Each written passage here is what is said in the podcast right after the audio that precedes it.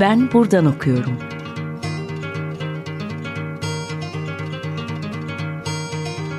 Edebiyat ve başka şeyler.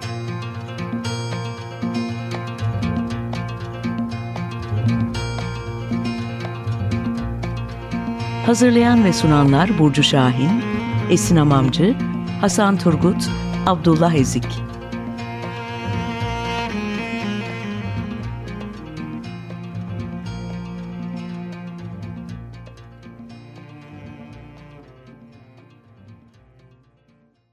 Herkese merhaba. 95.0 Açık Radyo'da Ben Buradan Okuyorum programındasınız. Ben Hasan Turgut. Bugün konuğumuz Ahmet Nuri. Ahmet hoş geldin. Hoş bulduk, merhaba. Ahmet'le Mehmet Uzun edebiyatı üzerine bir program gerçekleştireceğiz bugün. Ancak başlamadan kısaca kendisini tanıyalım. Ahmet Nuri yüksek lisans derecesini İsveç'teki Türk toplumu, kimlik ve göçmenlik anlatıları konusuna yönelik tez çalışmasıyla Lund Üniversitesi'nden almıştır. Amsterdam Üniversitesi'nde yürüttüğü doktorasını çok kısa bir süre önce Poetics of Modernity as Crisis, Tragedy and Parody in the 20th Century Turkish Novel adlı tezini sunarak tamamlamıştır. Bir süredir Türk Edebiyatı'nın İsveç'teki varlığını ve alımlanmasını incelemekte. İlk soruyla başlayalım Ahmet. Tabii. Ee, Mehmet Uzun'un Kürt Edebiyatı içindeki yeri ve önemi e, nedir? E, ve yazarın motifle e, eserlerine baktığımızda ne tür motifler görüyoruz ve e, bu motiflerin oluşumunda ne tür toplumsal ve siyasal koşullar etkili olmuştur sana göre? Ya burada şöyle bir şeyden bahsetmek gerekiyor öncelikle. Ben hani Kürt edebiyatı veya Kürtçe uzmanı değilim.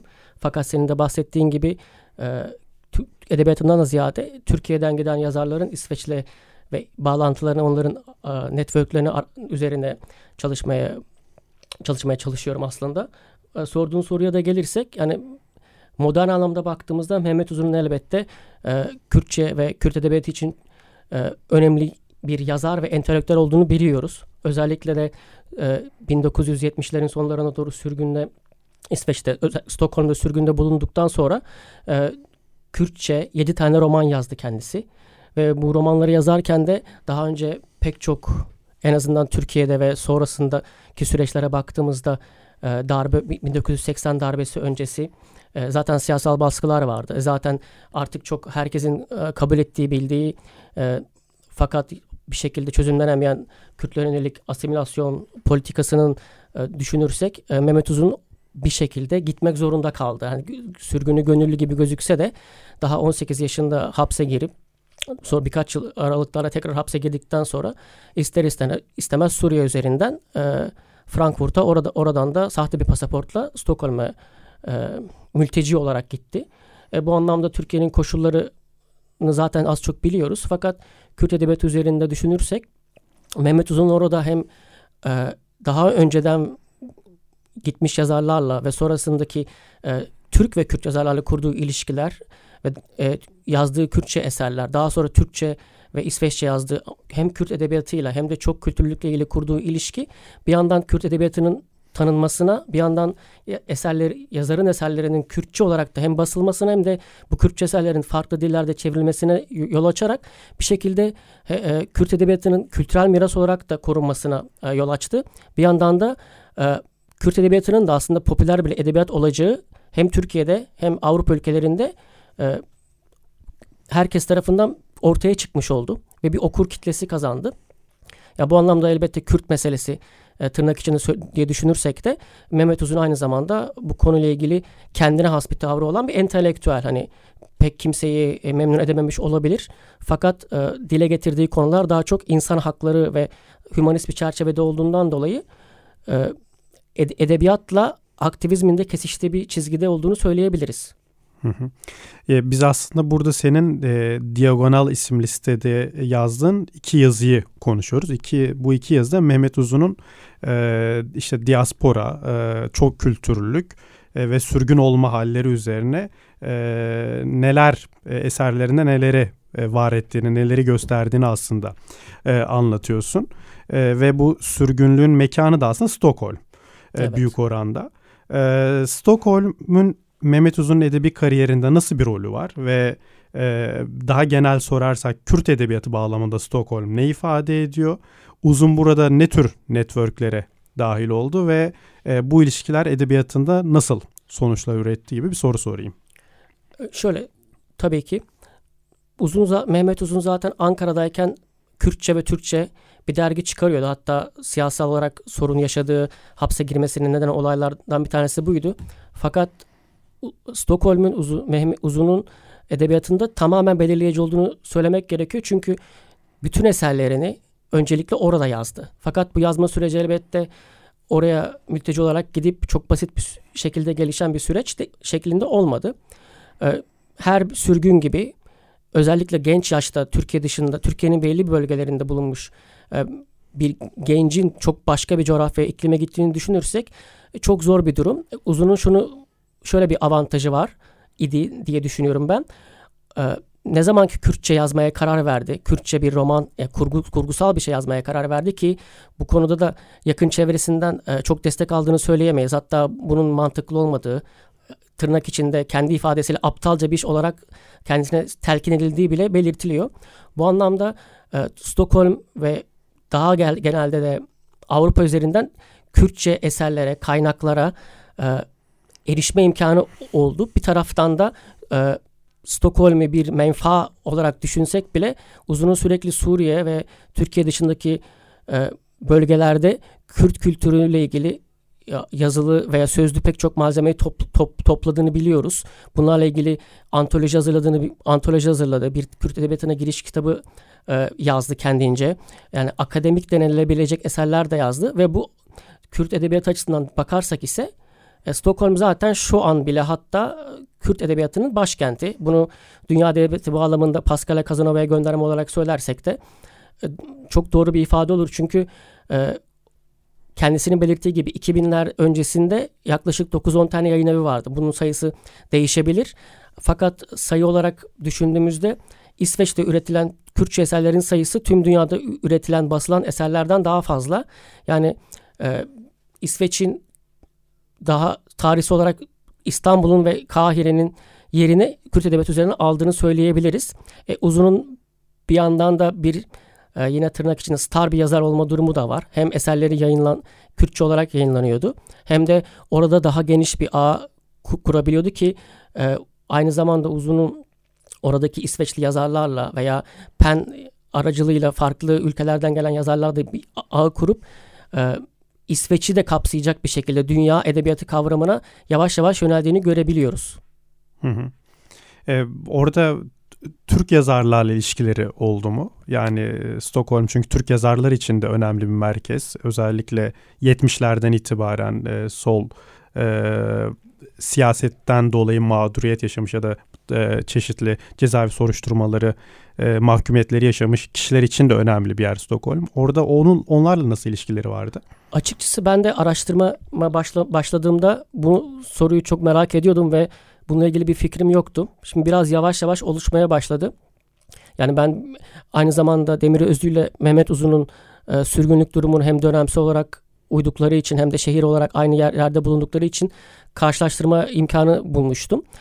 Fakat birbirleriyle tanıştıklarına dair bir ibare yoktu ta ki Na, Mehmet Uzun'un Nar Çiçekleri kitabının e, kitabına daha sonrasında e, Demir Özlü'nün bir ön söz yaz, yazanına kadar ki onların tanışmasının 1977'de yani aslında ikisinin de daha ilk orada bulunduğu ilk yıllarda olduğunu biliyoruz. Hatta orada o yazıda da bahsediliyor. Başka İsveçli yazarlar da var. Hatta o ünlü çocuk yazar Astrid Lindgren de aynı odada bulunmuşlar. Daha sonra yine uzunun zaman zaman İsveç Akademisi ile hem ilişkileri hem de e, oradaki akademisyenlerle, yazarlarla ilişkileri var. Muhtemelen tam belgeler olarak bilmemekle birlikte Zülfü Livaneli'den e, işte Kürt yazarlardan Fırat Ceveri'ye, Mahmut Baksi'ye kadar orada bir geniş bir ağ var. Zaten benim yazıyı yazarken de dikkat çekmek istediğim husus hani benim hem dil olarak hem de genel çerçevede e, kendi sınırlarım var. Bunların bilincindeyim. Fakat ortak Kürtçe, Türkçe, İsveççe veya başka dilleri de kapsayacak bir şekilde oradaki ağlar, e, oradaki en azından yazarların e, birbirlerini ne kadar etkiledikleri, nasıl tanıdıkları, Stockholm'un bir edebi üretim mekanı olarak ne olduğu üzerine düşünmek ve buradan e, bir şeyler çık, çık, çıkacağını düşünüyorum malzeme olarak da. Onlar üzerine anlamlandırmaya çalışmak önemli bir gibi geliyor. Fakat Mehmet Uzun'un tabii ki sonrasında e, Yaşar Kemal'le de var ilişkileri, diğer yazarlarla da var. Hani hem dava süreçlerinde Türkiye'de. Ama sadece Türk ve Kürt yazarlarla sınırlı değil. Özellikle de Mehmet Uzun'u Kürt yazmaya teşvik edenlerin İsveçli yazarlar olduğunu söylemek gerekiyor. Hem etkilendiği İsveçli yazarlar hem de o zaman bulunduğu e, birlikte arkadaşlık kurduğu İsveçli yazarlar veya İsveç Akademisi'nden Horus Ekdal veya Kristina Forstenson gibi şairler onu kendi dilinde, ana dilinde yazmaya teşvik e, ettiklerini biliyoruz. Kendisi hem bunları röportajlarında söylüyor hem de bazı dinlemelerinde bunlardan zaten bahsediyor. Hı hı. Evet. Ya Stockholm e, Mehmet Uzun'un aslında sadece Kürt edebiyatı e, içinde kalmamasını, e, dünya edebiyatı çerçevesinde eserler üretmesini de başka dillerde de yazdığı için e, imkan sağlamış bir şehir olmuş anladığımız kadarıyla. E, ve edebiyatında büyük oranda şekillendirmiş, yörünge çizmiş, yol çizmiş bir kent. Kesinlikle. Bir, bir şarkı arası verelim. E, ne dinleyelim bugün? Bugün Mando Diodon Strovtak Hömbüyük'ten adlı İsveççe şarkıyı seçtim ben. O şarkının da çok kısa bir hikayesi var. Zaten yine İsveçli bir şairin Fröding'in Gustav Fröding'in bir şiiri. E, birazcık e, Uzun'un Mehmet Uzun'un hikayesiyle de uyuyor. Şiirde de kendisi evine dönmüş, babasını kaybetmiş ama kendi bir tür eve dönüş hikayesinin anlatıldığı bir kişi üzerin kişinin o ev ve çevresiyle ilgili izlenimleri ve bununla ilgili bir gezinti Evet dinleyelim. Tekrar merhaba. 95.0 95.0 e, Açık Radyo'da Ben Buradan Okuyorum programı devam ediyor. Konuğumuz Ahmet Nuri ile Mehmet Uzun edebiyatını konuşuyoruz. Ee, şimdi e, bu Diagonal'daki yazılarında e, Diyarbakır'ın e, çok önemli bir Kürt kenti e, Diyarbakır'ın Odysseus'a gönderme yaparak Mehmet Uzun İtakası olduğunu söylüyorsun. Ee, uzun Diyarbakır'da sence ne bulmayı ummuştu ve aslında neyle karşılaşmıştı? Ya bu çok bir yönden çok zor bir soru. Bunun hatta belki spekülatif olabilir ama Mehmet Uzun'un da kendisinin ne cevap vereceğini veya verip veremeyeceğini bilemiyorum. Ama şöyle söyleyebilirim. Yani tabii ki e, bu benim bir benzetmem veya bir metafor olarak düşünülebilir. Ama bir, bir yandan da Mehmet Uzun da aslında kendisinde zaman zaman kullandığı bir şey. Özellikle kendi edebiyatında e, Homeros'a ve e, İlyada'ya ve Odyssey'e atıflar var. Hem yazılarında, denemelerinde hem de zımnen de olsa belki romanlarında, son birkaç romanında. Bu anlamda elbette İtaka bildiğimiz gibi bir geri dönüş isteğini, eve dönmeyi isteğini içeriyor. Fakat bu evde ne bulunacağı dair bence bir beklentiden ziyade evden uzak olmanın getirdiği bir e, duygu durumu. Yani uzun bir noktada İsveç'e sürgüne gitmeseydi bu yine spekülatif olabilir ama çok başka biri olabilirdi doğal olarak. Yani İsveççeyi öğrenmeseydi örneğin Stockholm'da bulunmasaydı onun için yeni bir kendisinin deyimiyle hayatında ufkunda bir pencere açılmayacaktı.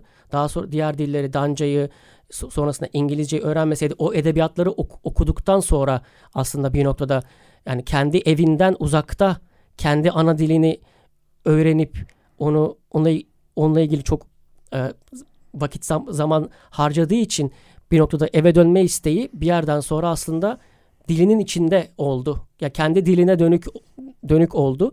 Ha ne buldu dersek kendisinin e, resmi olarak 1992 yılından sonra Diyarbakır'a gelmesi pek çok e, diğer yurt dışı darbe sonrasındaki yurt dışına kaçmak zorunda giden yazarlar gibi mümkündü ve pek çok zamanda Diyarbakır'a geldi ama bak, bak bakıldığında Diyarbakır'da yaş- kalıcı olarak yaşamadı. İsveç'e döndü. Bununla ilgili açıkçası eserleri dışında onunla ilgili doğrudan bir biyografi olmadığı için veya yaşamının her ayrıntısı olmadığı için bir şey söylemek zor. Fakat e, benim o yazıda belirtmek istediğim nokta yani ev de belki aynı ev değildi veya çünkü o evden ayrılan Mehmet Uzun da yani yazar olmayan ama hassasiyetleri olan bir şeyler yapmak isteyen Mehmet Uzun ile İsveç'te gerçekten e, belki de Kürt milliyetçiliğinin de ötesine geçen daha çok kültürlü, daha çok dilli, daha e, edebiyatı önceleyen bir Mehmet Uzun'un aradığı Diyarbakır da aynı Diyarbakır olmayabilir elbette. Bu anlamda sanırım Odessa hikayesindeki gibi e, eve dönmek amaç gibi gözükse de eve dönene kadar yapılan yol aslında yaşamanın kendisi oldu bir noktada. Ve nihayetinde e, maalesef mide kanseri olduğu için 2006 yılında ancak Diyarbakır'a kalıcı olarak geldi ve tedavisi e, devam ederken de zaten vefat etti 2007 yılında. Yani onun için belki de tek teselli kendi nihayet hissettiği, hissettiği topraklarda e, bedeninin bulunmuş olması ve o şekilde gömülüyor, gömülüyor olması ki bu herkese yani pek çok sürgüne nasip olan bir şey değil aslında. Hı hı. Dolayısıyla burada söylenecek tek şey e, tıpkı o, e, oradaki Odessa gibi hikayedeki yani eve dönme isteği, eve dönme çabasının getirdiği onca maceradan sonra e, oradaki yaşanmışlık yani bir sürgün deneyimi ve bunun e, edebiyatına yansıması veya sürgünün e, kurgusal edebiyatına ve kurgusal olmayan edebiyatına diyeyim poetikasına etkisi bence üzerinde durulması ve anlamlandırılması gereken bir nokta. Ondan sonrası sanırım çok daha e, kendisi için kişisel bir şey. Hı hı. E, şeyin Hannah Arendt'in e, söylediği bir şey var ya hani dilin asıl ana yurtun dil olması. Evet. Hani Mehmet Uzun içinde ana yurt aslında ana vatan çok Diyarbakır'dan çok bir bakıma Kürtçe olmuş gibi denebilir herhalde. Kesinlikle denebilir. Bunun bir de şöyle bir durumu da, durumu da var. Yani Mehmet Uzun bir yandan da e, İsveç'teyken eve dönme isteği hep tabii ki var ve hatta şöyle bir şey düşünüyor.